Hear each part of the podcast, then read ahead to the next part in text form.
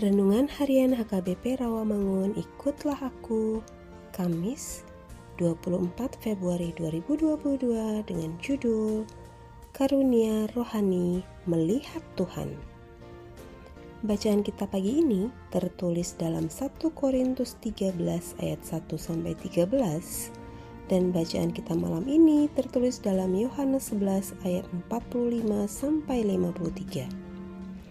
Dan kebenaran firman yang menjadi ayat renungan kita hari ini ialah Markus 14 ayat 62 yang berbunyi, Jawab Yesus, Akulah dia dan kamu akan melihat anak manusia duduk di sebelah kanan yang maha kuasa dan datang di tengah-tengah awan-awan di langit. Demikian firman Tuhan. Manusia sering sekali hanya melihat apa yang ingin dilihatnya. Ketika seseorang berjalan di keramaian, sering sekali dia tidak melihat apa yang terpampang di sekitarnya karena fokus untuk mencari dan melihat apa yang ada di hatinya. Demikian juga halnya dengan mendengar. Banyak orang Kristen terjebak dengan kesenangan mendengar dari yang mau dia dengar. Hal ini juga sering terjadi dalam ibadah. Seseorang merasa enak di hati atau istilahnya srek karena melihat dan mendengar pengkhotbah atau khotbah yang dia senangi seolah-olah ibadah adalah hiburan layaknya pertunjukan sinema.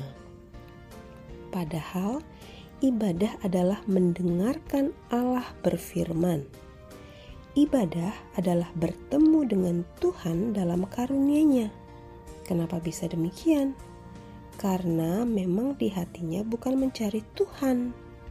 Inilah yang tidak diterima oleh orang-orang yang menyalibkan Yesus, karunia rohani.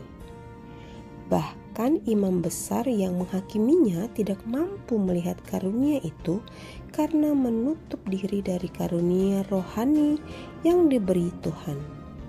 Meskipun Yesus sudah menyatakan langsung di hadapannya, "Akulah Dia," kamu melihat Anak Manusia, namun hatinya tetap tertutup untuk karunia rohani itu.